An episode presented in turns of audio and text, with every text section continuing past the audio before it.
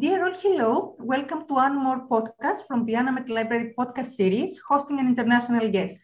I'm Vasya Mole, the head librarian of ANAMED Library, and today I'm very happy to meet with Peter Bae. Peter is the Assistant University Librarian for Scholarly Collection Services at Princeton University, and our talk will focus on resource sharing and document delivery. Peter, hello. Welcome hello. to Istanbul and to ANAMED Library, even remotely.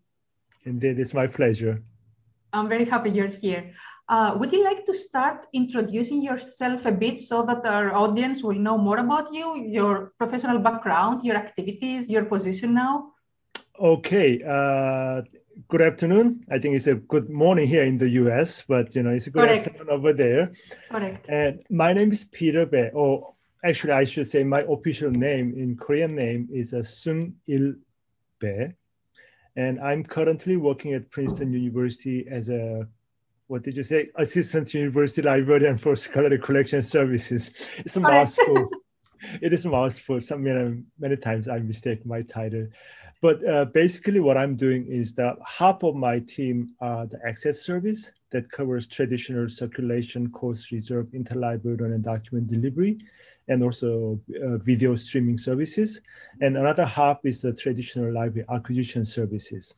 So it's, it's, you know sometimes I'm jokingly saying that I'm buying or borrow things for our patron and then we let, them, let them use. So I worked in Princeton over seven years now. And prior to Princeton, I worked at the Columbia University Library at New York City uh, as a document head of document delivery and resource sharing.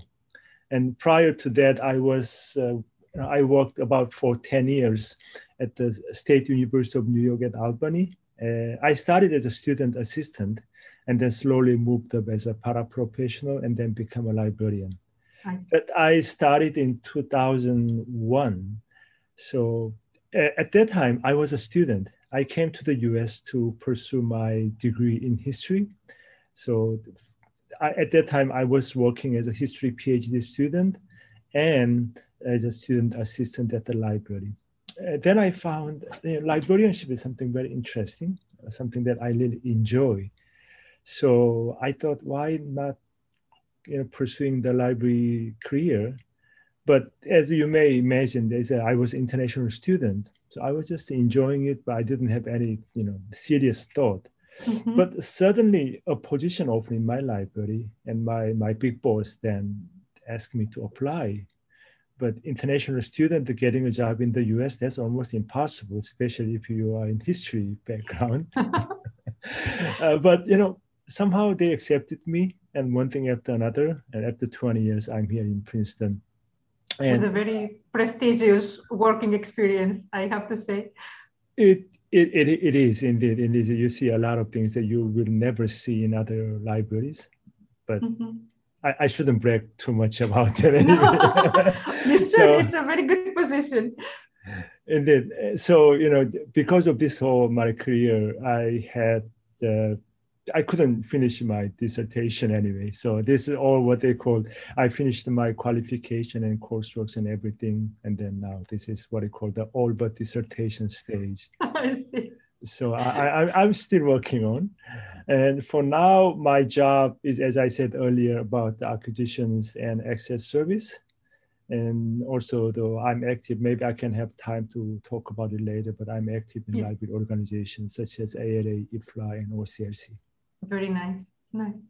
I see the enthusiasm about work. So yes. um, I think every professional would argue their position is the most important one, or maybe a very important one in an organization. Mm-hmm. Can you tell us how resource sharing is important for libraries and their users? Yeah, well, I, I wouldn't say it's the most important. All no. the librarianship is important. We serve our patron. But in a way, the resource sharing department in the library is where people comes with, with a specific need. Mm-hmm. There are people come to the library randomly, just randomly browse the books and find something interesting and check out. But those who come to the library are the ones who need something, so they need something mostly by yesterday. So they are coming and making the request. So in a way, we are meeting our patrons' need directly, providing the services.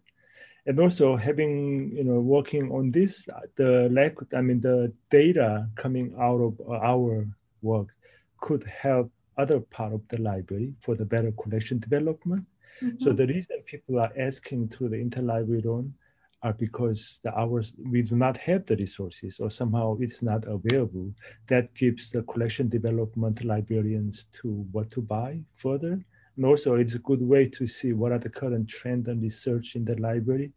So not only providing the information that they need, but also we can provide some good, you know, insight to our patrons' behavior. So very correct. Mm-hmm. In that um, way, it is important. Yeah. you're right. You're definitely right. And uh, mm-hmm. as you mentioned, there is this urgent factor of their mm-hmm. needs. So it, this has to be met somehow. Yes. Um, so what do you like most about the resource sharing? And let's say you would change change it for something. What would you change it for? Mm, that is, that is interesting question. So first of all, you know, the, the things that I like from the interlibrary is because we are meeting our patrons' immediate need. Mm-hmm. We got a lot of thank you messages from our patron and you know chocolates and candies at the Christmas. How nice! We, we receive a lot of thank and also if you see any academic books, the acknowledgement part, many times they mention the, the interlibrarian librarian's name mm. there. So patron appreciate our services, but also in a way, since you asked the changes, but I don't think this is ever change because we are can, uh, how can I say, we are our most, you know, biggest competitor, meaning mm-hmm. because we are, in other way, we are the victims of our success. So we provide the good services. And when I started this job, you know, 20 years ago, if a patron receive an article in paper after two weeks, they are happy. They're happy that they got the article. Yeah. But now, if you are not getting in two days, uh, not alone two hours, they they just call you and they ask you everything. There might be complaints. Yes. yes. So you know because the, some of our system even limit not not the limit but eliminate the hand works or stepping step works so many requests are automatically processed in the us so when the request comes to our system if the request has a issn or proper standard number and proper mm-hmm. citations then it goes automatically to the lending library and then in some cases, this particular service check the open access automatically by the computer. So if they find any open access article, it delivers to us immediately without any human involvement. Mm-hmm. And then our system is also designed, if any item is coming with the proper numbers and everything, it will deliver to our patron automatically. So throughout the transaction, there is no human involvement at all. So what happened last year that a patron requested an article Sunday 5 a.m. I don't know what he did Sunday 5 a.m. Who knows? So maybe writing a dissertation. possible. So you know when the request came at 5 a.m. and what happened was that this article happened to be available open access sources. So he received the notification saying that your article is ready by 5:20 a.m miracle for him. It's, it's a miracle. So he called us actually. How, did you do that? You know, this Sunday morning, that somebody's working at that hours, how you can get it? But he's happy. But just think about if somebody received an article on Sunday morning within 20 minutes, what would be his next expectation? What, you know, that. This is also true. So I really wish to make something how, how to manage the expectations of our patron. Mm. So, you know, there are things takes time because if you need a book from Turkey, for example, the book has to be shipped by a Turkish library and then you know, cross all of the Atlantics and come here. It takes time, but our patrons sometimes they do not think about it. You know, maybe because all of the internet things, they just think whenever they click button, something will magically show up. But yeah. That, that's our challenge. Hmm, sometimes we exaggerate so much about our needs uh, because we focus so much on that need. Mm-hmm. And so other factors are eliminated automatically. Yeah. You're right. So, as a professional, when people complain about those things, you have to explain them nicely. Look, this is a print book, somebody has to mail. Yes, correct. so, and maybe not on Sunday morning at 5 a.m. Indeed, indeed. Yeah. Um, let's say you would um, think of changing a career or uh, staying in the library sector, but in a different department. What would that be? Have you ever thought about it? Well, you know, my in my early librarianship, uh, I was a history subject specialist. So I was a history PhD student and working in the library. That kind of nice, you know, connection with my my nice. uh, academic background. So at that time, I really enjoyed talking with the fellow students and faculties about the research project and providing the resources they need. Sometimes, you know, we start discussing about you know, I, I, remember one example that the, one of my graduate students, we are discussing about her dissertation project. Mm-hmm. And we are searching together and we found, you know, something that's similar, a, a dissertation, a book actually, similar to what she was looking for. And we found out within an hour that somebody has already written a, a dissertation on the topic that she was looking for, mm-hmm. thinking about. So we have to find other topics and, you know, helping patrons directly. So I, I see librarianship as a, you know, basically it's a service profession. You serve your patron. Yes. So having a direct connection with a patron is something that I really enjoyed. I wish to have more. And you know, with my current job, I'm a bit away from this direct connection. So if I really wish, you know, I I, I wish to go back and working at the reference desk and also talking with the patrons directly, helping them. That is something, even in my current position, I still try to find uh, these types of occasions as much as I can. But yeah, that direct connection with our patrons is something really precious. Myself, having uh, been a reference librarian for many years, I can yeah. totally relate and I understand yeah. you. It, it, mm-hmm um, it's so very important to have this connection with the users. Indeed, you know, I met with many many librarians from all over the world with you know with my activities. In, in a way, we are all the same species. You know, we value the services, and wherever you're coming from, and then this direct connection with the patient is something that, that no other job can do. You know, there are some service professions they charge you providing the services. but you, we don't charge people. And why actually, funny story. The, in the U.S., you know, the tip culture is very important. Yeah, I know. yes. when I was working at the state institution, there's a public, you know, the public can come into the library mm-hmm. and they can ask the question too. So there was a one woman who, as a, a grandma, who tried to tip me. I said, no, I'm not. Seriously, yes. so I have to explain that this is free service. I'm not taking the tip. So sometimes we take things for granted, you know, and uh, for yeah. other people, this is not the case. Indeed. Um, I would like to ask, um, since you have the experience, what are some methods of resource sharing? For example, consortial resource sharing. What else um, for our audience to understand better? So resource sharing, the well, if you say method, it's like something very special, but that's nothing really special. You know, it is really mm. connection of the libraries mm-hmm. and try to help each other. And to make easy or more efficient, efficient this process, we try you know various things. For example, in the U.S., uh, I, I would call it as a tiered resource sharing uh, network. So there is a local resource sharing network that connects the libraries nearby mm-hmm. or libraries in the similar nature. For example, in Princeton's case, we have a consortium with uh, other Ivy School libraries like Harvard, Columbia, and UPenn, and Cornell, and so what we call the Borrow Direct. So this Borrow Direct service, we created uh, a search function that it searches all the libraries collection together. And then from mm. there, our patient can make the request. Even actually smaller than that, uh, Princeton has a a special, you know, offsite storage space that is shared by Columbia, New York Public, and Harvard University. So these four institutions, we share a huge storage space in which there are about 15 million items in it. So wow. as a, as a, you know, one building storage is, I think, the biggest in the country. So since we are sharing the space, the books are all there, regardless where it comes from. And the idea is why not share the books as well?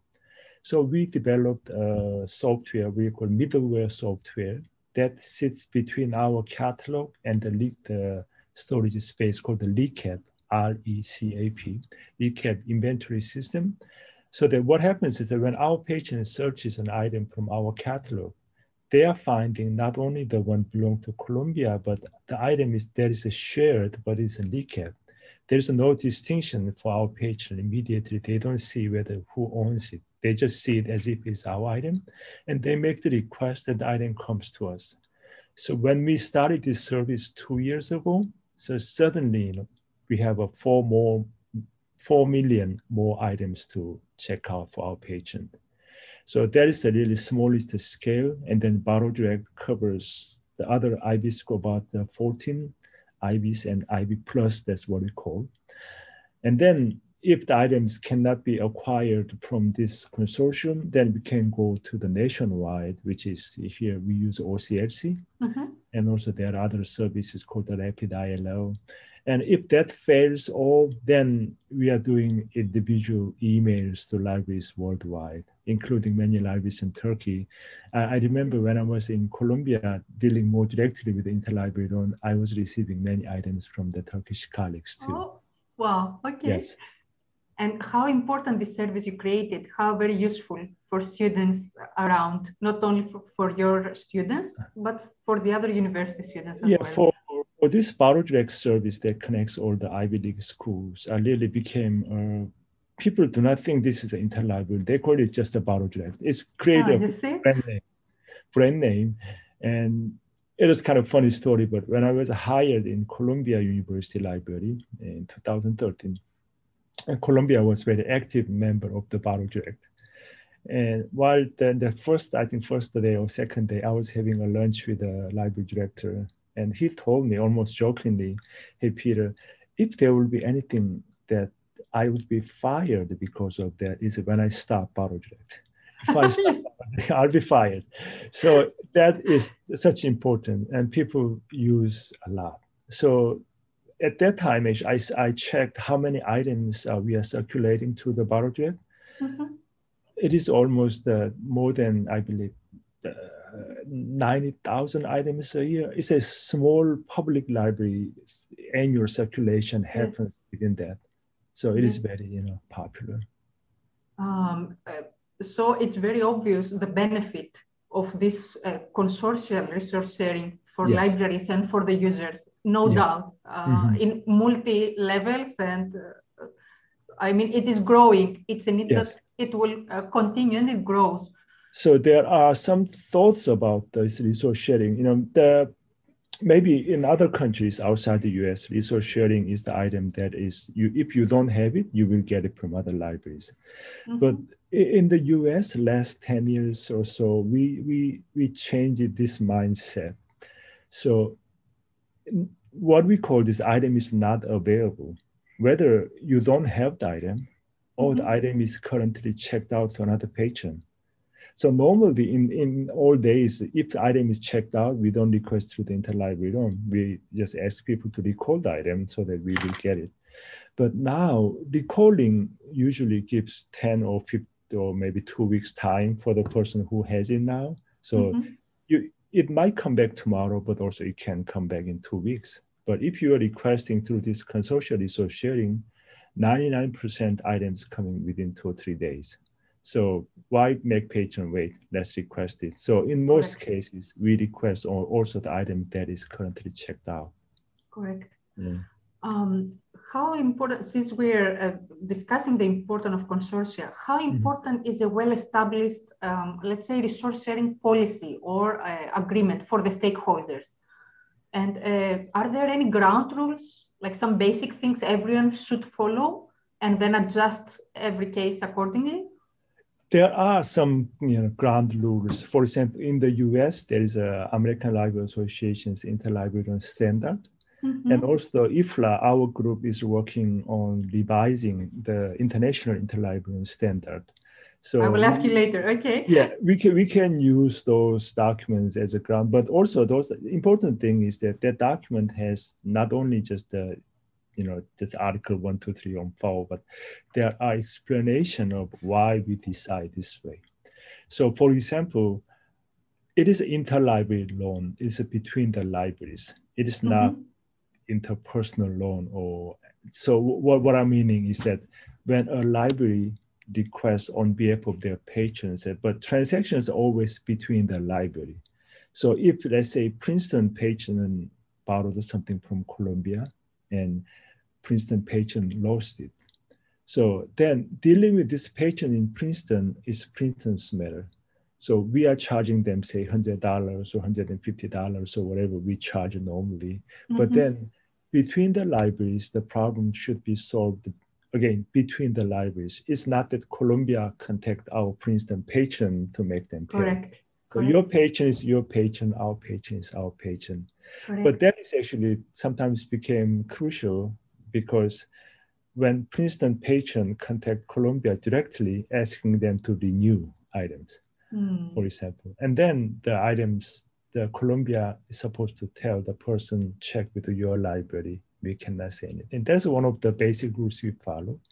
And also when because we are moving items between the libraries, there are times that item get missed, get uh, missing or something happened in between the libraries. Mm-hmm. But in 100% of cases, when item, as soon as items left from the original owning library, then it became the responsible, the borrowing institution became responsible. Say again, I'm borrowing something from Columbia, so we requested it. Columbia said, okay, I will send it to you. Then when Columbia sent it out, even though the item is not arrived in Princeton, still it is a Princeton's responsibility because if Princeton didn't request it, that item should stay in Columbia. Correct. So yes. because we requested it, we are taking responsibility as soon as it leaves the Columbia until it returns to Columbia. So yeah, th- these things sometimes you know problem happens, but the basic you know principle is that, and, and based on that, we I have to tell, you know, most of the research sharing librarians, they met often through the conference and they know each other well. so there are many things that we can solve outside this, you know, standard of principle but again, having some good good base is really important. Of course. Yeah. Uh, we have this expression in Greece. We say uh, clear uh, agreements mm-hmm. Uh, secure a very um, warm relationship because you know the rules and yeah. you follow the rules and everything is okay. Yes. Um, so I understand. I, I, cannot avoid asking a question related to COVID since we are all experienced uh, this yeah. situation. Mm-hmm. We have been experiencing this for more than a year now. Uh, with the libraries being closed and um, the users in need for material, um, especially uh, electronic resources have been uh, vital, uh, like a vital service uh, yes. um, mm-hmm. for the libraries. How has the situation been in the US this it, year? It, it, was it was really tough. It was really tough but also because of that, maybe this sounds really cliche, but all the crises bring you some some chances, uh-huh. you know. So we started many new services to serve our patron, which I, am thinking now after a year, if we started those services in a normal time, it'll take forever. We may not be able to do that, but because of this situation, we have to do it. And once we started doing it, then we thought, hmm, this is not too complicated. Let's let's continue it.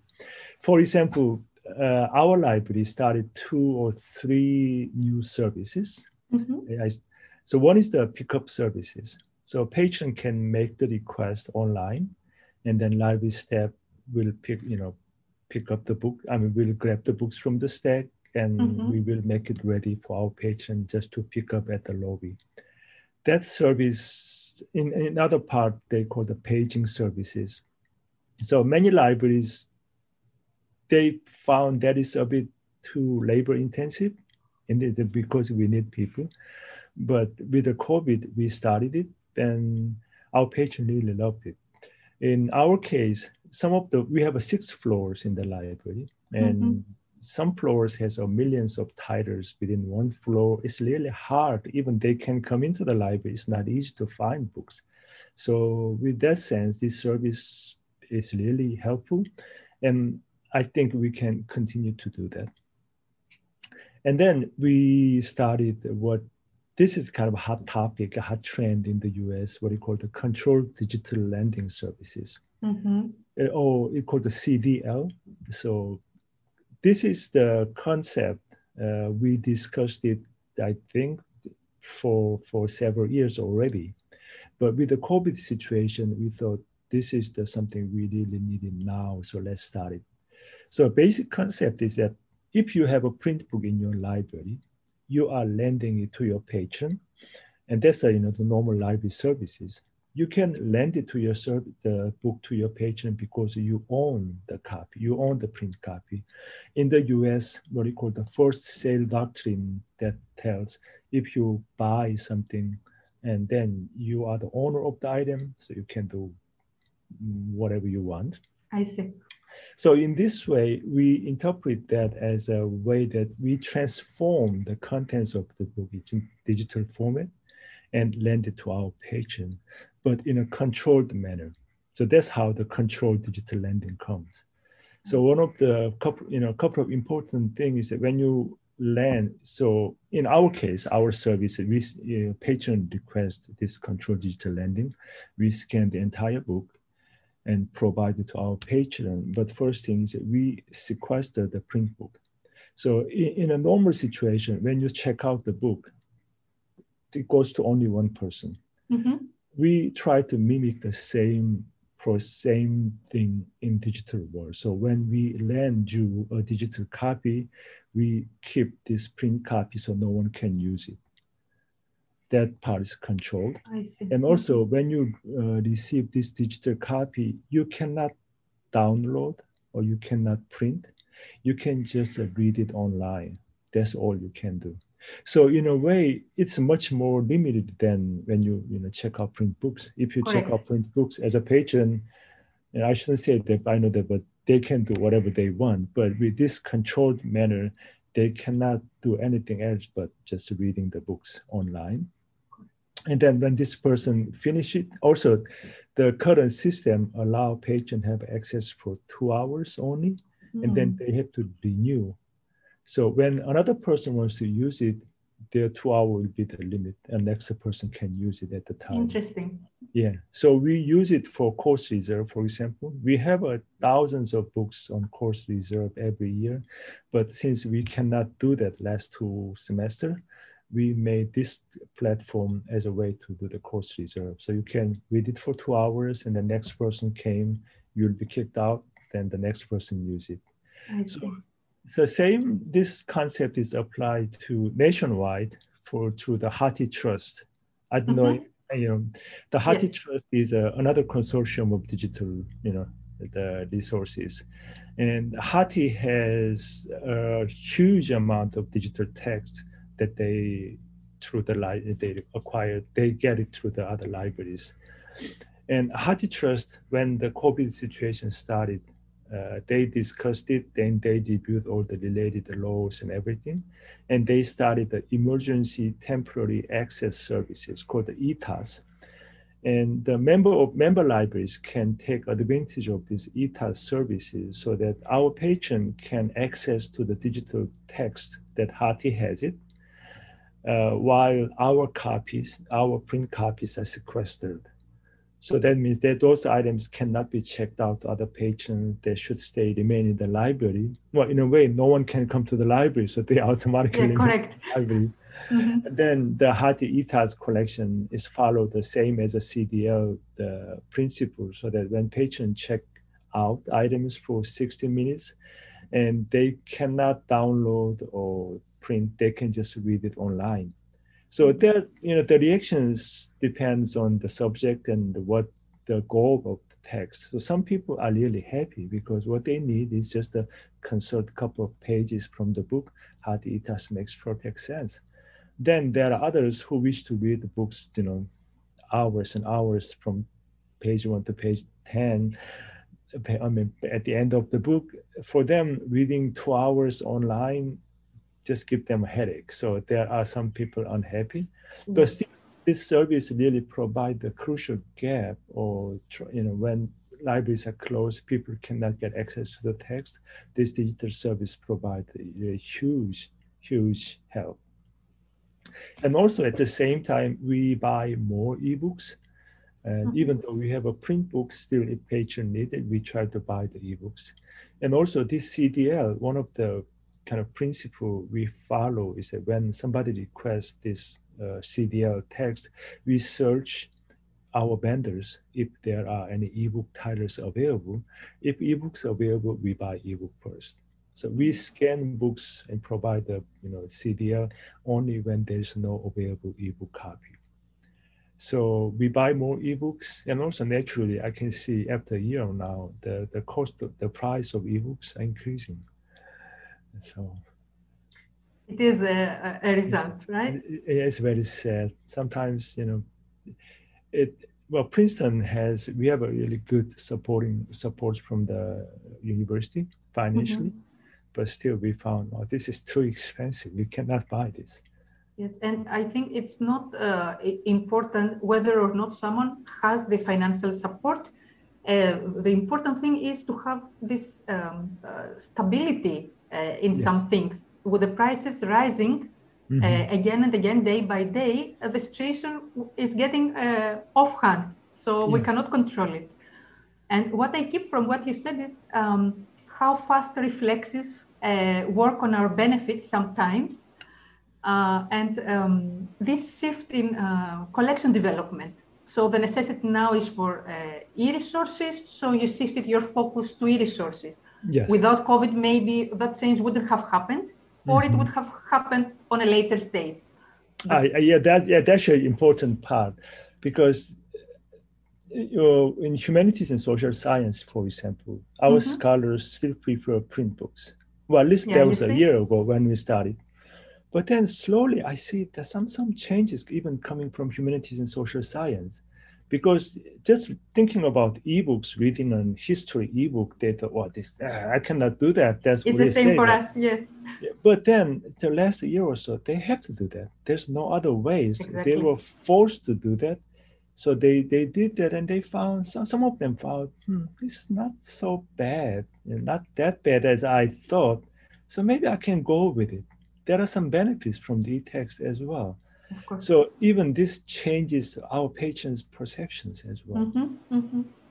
And sometimes it's all a matter of um, mentality. You know, what you said right now in social sciences, people are used to having the print copy because no one really thought of uh, the benefits of an e-resource. Yes, and indeed. it's like uh, the standard thing to do, and we continue like this. But when there is a need, we need to adjust ourselves. Yes. Um, if you would um, name an obstacle or um, a difficulty or a challenge throughout the year, uh, what would that be? The first thing is, you know, when you think about the digitization or providing the digital text, the people think about the technology, but technology is the easy part, I would say. Okay. You? And we, we need the people who will scan the books, who will scan the books scanning a 300 page book sitting in an hour, that is tough job. Mm-hmm. And I, I did several times also because we don't have enough staff in the library. Mm. It is very labor intensive. So one of the biggest obstacle for us was getting enough hands to scan books. So the, the, library was focusing, even still, we are focusing on those core services, pickup and scanning services.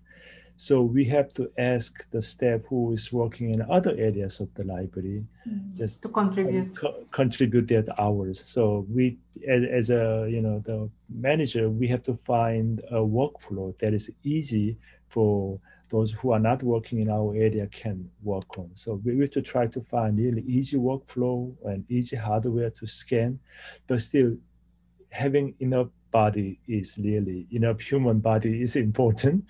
And also the, the university, in Princeton's case, the university tried to maintain the workforces as many as they can. Meaning there are some institutions they have to lay off or follow the step, but Princeton didn't do that. So for example, there are all the staff who working in dining halls and dining services. Mm-hmm. Since there was no student in, on the campus, they have nothing to do. So university found a way to bring those workforces to the various places in the campus where need the human hand. So we have, you know, the library had about 20 extra staff last year. So we use their help to scan more books, for example. So that was one of the big challenges. And also, since it's a digital text and all other you know, digital matters, always the copyright law and other part, still it is you know, because we are still in the COVID situation, mm-hmm. and we haven't heard at least any serious, you know, obstacles from publishers and other copyright owners. But one example, it's not about the academic libraries, but you may heard about the Internet Archive. Yes, Internet. Archive has their open library. So they provide uh, the e-text, digital text to this open library following this CDL concept. They were doing it on a long time. But when COVID started, they changed their policy a little bit so that, you know, not just one copy for one person, but they eliminated this waiting time. So anyone can access the title so in a way, from single-use access, they changed the model to the multi-use access. That immediately got objection from the authors guild, and there's I think the sue, uh, the case is going on, so they had to stop. So that is another challenges we will facing, I believe. You're so right, and um, I think uh, here again the important thing is to be flexible, to adjust according to the situation, and try uh, maybe to, to collaborate with others to see uh, another good practice, how it can be implemented in our case, yeah, um, how we can help each other. So flexible and yeah, exactly that that's really important with the, especially in this in the time like like COVID time, this crisis. We have to be flexible, and also we have to have this either consortium, whether you call the consortia or the library organization, you know, we have to get together, share our experience yes, and skills so that we can help each other. Very important. Yeah. We talked about um, local consortia of different kinds, like local or national. Um, is or will soon be international resource sharing the new hot trend? And how beneficial uh, will it be for um, libraries with limited resources? Yeah, well, since you mentioned hot trend, I, I, yeah, that's an interesting way of saying it. Uh, so there are countries where the resource sharing network, local resource sharing network is working fine, working, you know, mm-hmm. but with, with, the COVID situation, things are a bit inter- disrupted, but still those countries. And there, there are countries which do not have any good resource sharing network locally. So what we started last year uh, with the international situation, we try to, you know, we create, maybe I can talk more on this later, but we started uh, try to connect this resource sharing networks, which is interrupted through a simple connecting tool. And uh, let's think this way, international resource sharing is important in a way that there are many requests. For example, in Princeton, we are receiving about 50,000 requests a year and we're providing both things. So I would say 95% of them could be filled within the, the request could be filled within the local resource sharing network. But there are five or more so, 5% or more so requests that has to go out to the international libraries. And also the items that people need from the international libraries are really important, they're crucial. There's no other way they can find it. And then the maybe the number of the international requests will not be as many as local, you know, the national resource mm-hmm. sharing. But the importance of those articles, the five percent of the request, or the satisfaction we will give our patron, is really much bigger than those 95% of the requests could be filled locally. And you know, one of the reasons that I joined IFLA was the initially the, before joining, you know, uh, committee members, I attended a conference in Chicago a long time ago. I, I met a colleague from Zimbabwe Wow. And yeah, yeah, I, I, this first time that I met someone from Zimbabwe, I heard about the country, but I have vague idea where the Zimbabwe is. But then we talked and we shared the things. And then when I come back after the conference, I had a request from one of the graduate students who's asking a PhD dissertation published in Zimbabwe. you see? yeah, so since I have a contact, I can contact him. Otherwise, there's no way that I can get even. How can I find you know? So, in this way, this you know, international IFLA, for example, and resource sharing provide a good connection between the librarian, so we can get things done for our libraries for our patrons. So this patron when he was requesting something from Zimbabwe, I don't know how much expectation he had. Mm but somehow we managed it and then again the same thing that i said earlier expectation management became really an issue but there are scholars who really need things otherwise their research cannot be continued so then international resource sharing became really important. Now if you have more time i can tell tell you about my my favorite story about an iraqi biologist. Please please, please go so, ahead. uh, when I was in uh, Albany, that was uh, almost 20 years ago now, I had a request from a renowned biologist in the university who was looking for an article written by Iraqi scholar in Iraqi journal. And the scholars from Mosul, now we heard Mosul, city of Mosul many times, but at that time, it was still unknown for many Americans. Uh, so it was a funny thing was it was a 2001 just before Saddam Hussein was still there and US was talking about going to Iraq. But this scholar needs something from Iraq. Uh, we couldn't find article. First of all, this article was not officially published, but in press. Mm. So in press, there was a journal citation there with the abbreviations. The things make even more difficult. So we assumed this something from Iraqi Journal of Agricultural Society or something but we couldn't find any holding library in the US and we searched all other libraries and British library all over the world, couldn't find it. But he has to have it because this article is supposed to talk about a new species they found in Tigris oh, wow. River. So without that, his research cannot go further. So he and I, we tried, and we tried to even send emails to an alum of that university, just asking if there's any way we can contact. And even we sent a letter, a post a letter to Mosul. And maybe we were so naive that we are thinking that uh, just to be 2001, just before the they war. They would reply. So it, it failed, but still, you know, I was keep searching and searching. And at one point I found that this scholar was a corresponding member of a journal, an international journal published in Australia. So I sent the editor in Australia, hey, this is our situation. I saw that this person is in your corresponding member. Could you somehow contact this person about this article? And luckily, this editor in Australia was about sending a letter to Iraq. So she mentioned our stories to the letter.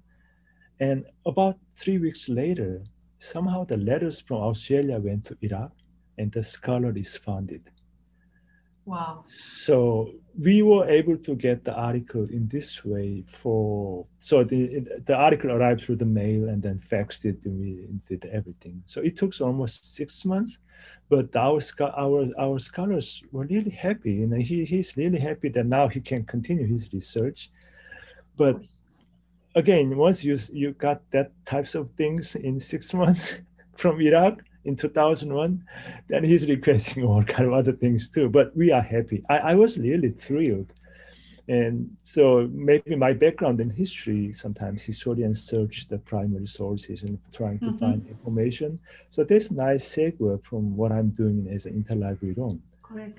So, so you know, um, that was a very challenging uh, situation and in the compasses, I think the, the, the, whole meaning of resource sharing and the driving force behind those uh, involved in the process and why you are so, I mean, you, those involved, so passionate and uh, you have this um, uh, motto and this focus to Yes, provide the resources. Otherwise, if you wouldn't be so interested, if you wouldn't love it so much, maybe you would just give up from the first obstacle. That you would true. Uh, "This is not impossible. This is not possible. Unfortunately, let's move on." Or uh, "I cannot help you." But you really struggled. So I will rephrase: It's not a hot trend; it's a necessity. Necessity, is- yes. It is very good that it is uh, spreading globally, so yes. that it can connect better uh, library. But also, I think in a way, this is a hot trend too, because oh, okay. with, with- the, with the internet search, you know, people find nowadays more citations from the various searches Mhm. cited in other places. But what they can find is only the citation. And they once you know a scholar found some good citation on their topic online, then they wish to have something. And so we, for example, the project that I started last year, we received many requests for the articles written in Chinese about not about Chinese history or culture, but the Ch- articles written in Chinese about the medicine and the biology and chemistry. Those things they can make the request because they found the citation, but then getting thing getting Chinese the materials about chemistry, it is not easy. Not many libraries have that Chinese chemistry journal. So the international resource sharing Mhm. became also again, you know, important. I see. You mentioned before your involvement involvement in uh, different committees and organizations and this um, section of IFLA.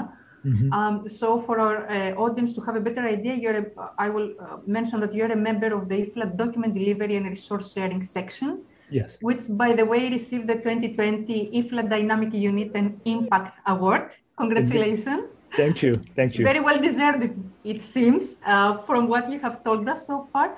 Can you briefly present uh, the mission of the section and the work done there? So the, our mission is to make the resource sharing more active nationally, Mm. internationally, and also our section just you know see the trends and other technical development and try to provide uh, guidance or standard. And also we try to facilitate the various types of resource sharing activities. So in a, in a way, when you think about IFLA, this kind of big organization that covers international issues, that is true in a way. But also we try to help individual cases if there's any raise comes. You know, uh, another important thing that our committee, not we are completely managing it, but we try to provide the guidance for IFLA vouchers. So IFLA voucher is maybe many international, many you know, interlibrary librarians heard about it and they are using it. Uh, the, this is a way to pay, make the payment between the libraries internationally. So interlibrary loan is is expensive services. You know, if you're mailing books from Turkey to US or vice versa, the mailing cost is important. And also there are some other costs involved with it. So sometimes the lending library charge you to pay, but making Mhm. payment internationally is always a, a, a really bigger challenge. You know, the some libraries Mhm. will cannot receive anything but the bank transfer, etc. So IFLA voucher is a plastic card you can buy from IFLA. So it has own, its own value. So when you may have to make a payment to another library. If that library accepts IFLA voucher, they charge you two voucher, three vouchers. You are Mm. sending this voucher. And then when the library receives it, they use it for their inter- international interlibrary loan, or later they can return to IFLA, get money back from there. So this uh, the voucher scheme started in 1980s and is still ongoing. But also, it, we are still using the plastic card in 2021. So in our committee, we try to find a way that if there is any way we can do it electronically. Mhm. So that is another the project that we are. Well, actually, this is a long project that we are struggling, but it's not always easy. But in any case, the last year we started what we call the Receive the project. It's called the rscvd.org. So Mhm. people can make the request from this web page, and the volunteers from around the world provide the materials to requesting libraries. Especially since this is, you know, meeting with the Turkish colleagues, I really wish to thank all the Turkish volunteers, including your library too. And Turkish libraries are the biggest supplier of our services. I sincerely appreciate that. It's always good to participate in such important initiatives. Indeed, indeed. I, I was really surprised uh, so much, uh, so many articles coming from Turkish libraries, and it goes to all over the world. So you should be proud of that. This is good. I will spread the news. Yes. Um, one more uh, uh, news, let's say, from the mm -hmm. section is that um, it was also awarded with a new uh, Erasmus grant opportunity. Yes. The collaboration with uh, the CNR Library of Bologna. So, how will this opportunity uh, contribute to the continuation and expansion of uh, international collaboration on resource sharing? Will this be the big step towards this mission? Indeed. Well, thank, thank you so much for asking that. So, this project, uh, this Hermes, H E R M E S, like the Greek mm-hmm. god Hermes project. Yes. yeah, is the one that uh, designed in couple with, with several goals. So last year, when we started the Received project, we wished to start something immediately. So it is very rudimentary and really, you know, simple, very simple system and workflows. So with the Hermes project, we try to make this platform more stable and mm-hmm. sustainable. And at the same time, having that, we try to, that is one, one of the goals of Hermes project. And another goal is while doing that, we also try to see the current environment of international resource sharing or the resource sharing in general. So we are preparing uh, kind of white paper on publication about the resource sharing trends and current environment. And also having this new software ready, we are planning an uh, instructional session or training for the librarians around the world. Uh, currently, the MEF University Library in Turkey is part mm-hmm. of this our group, and they are taking, you know, actively in charge of the training programs. So once the software is done, uh, we are providing the training for the librarians. And this will be, the software will have two important roles. So trying to connect the well-established resource sharing networks, the gaps between them. There are, as I said earlier, there are well-established, well-functioning national resource sharing network, but those networks are not connecting each other. Mm. So using this system, we try to fill the gap. But also this system could be used to create a national resource sharing system in countries where the national resource sharing system is not established. So this software will be an open access software that anyone can adapt in their need. So having could be a national resource sharing networks, and then it could be connecting to international sharing network. So far, there wasn't any resource sharing network connect the widely international libraries. Well, some mm-hmm. OC, for example, OCLC, because they have members, uh, international members mm-hmm. mm-hmm. connect, but only the members. But this will be a free open access software that can have some potential to connect the world, libraries worldwide. I hope. Please keep us posted on that. Uh, Indeed, I will. That's an important work, and um, I appreciate so much that you said uh, you use the word sustainable. Sustainability is important. Sometimes we uh, tend to create services or tools or uh, start an initiative without really thinking how sustainable can it be. So Indeed. it has uh, um, it has an impact, but it cannot carry on. It cannot continue.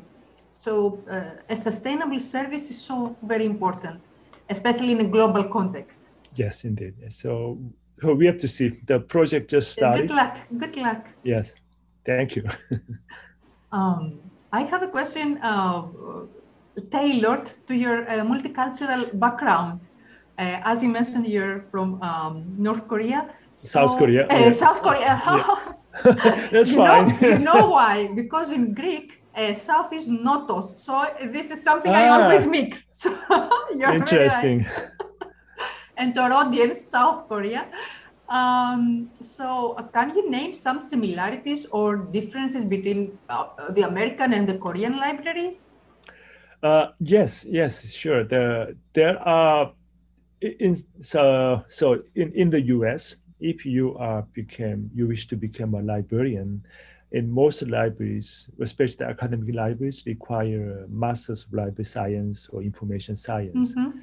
And there's uh, only a few undergraduate courses for to become a librarian or library professional. So the library librarian education in the U.S. is based on graduate school.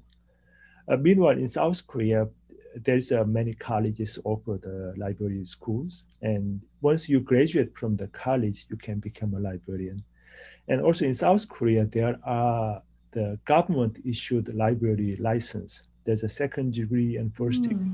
So once you graduate uh, college, you get the second degree. Then after you got some experience, you will become a first degree librarians.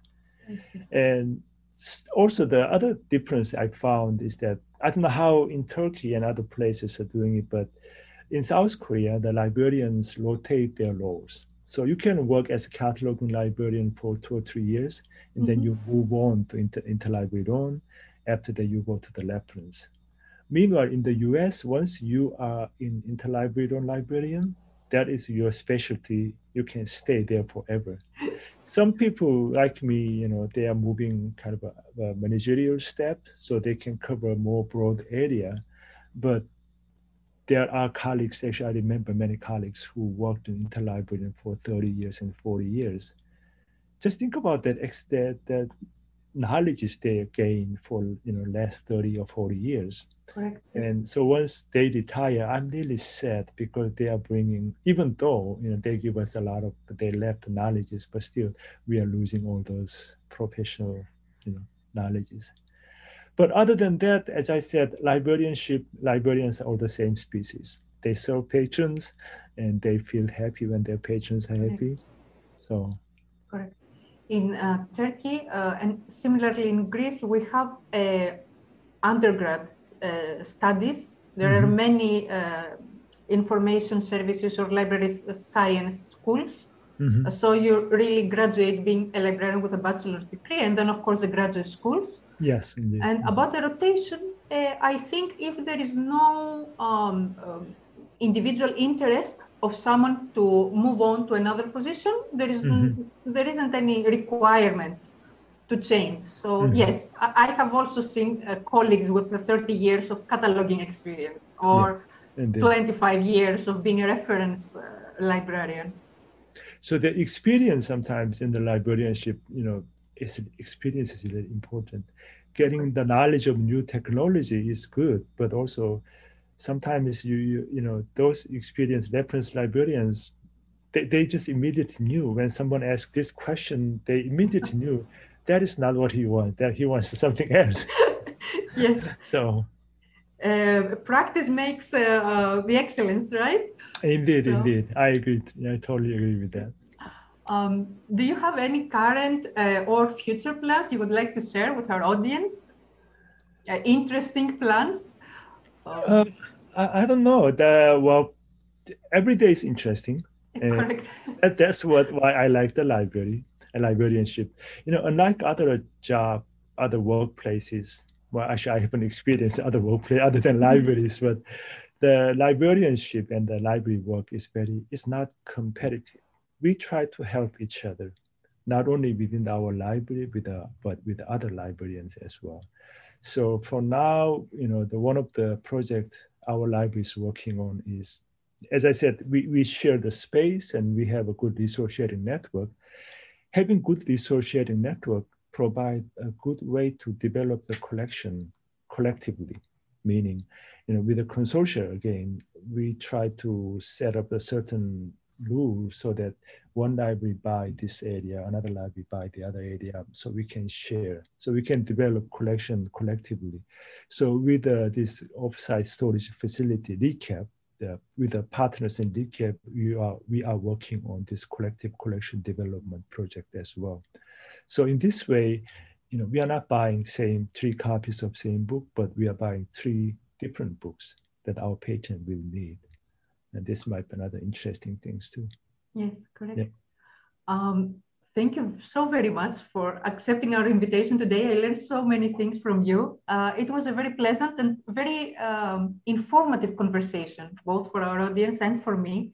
I, well, I thank you. Have, I wish I will be given the chance to visit your sixth floors library. This sounds uh, yes, please, like please. very exciting.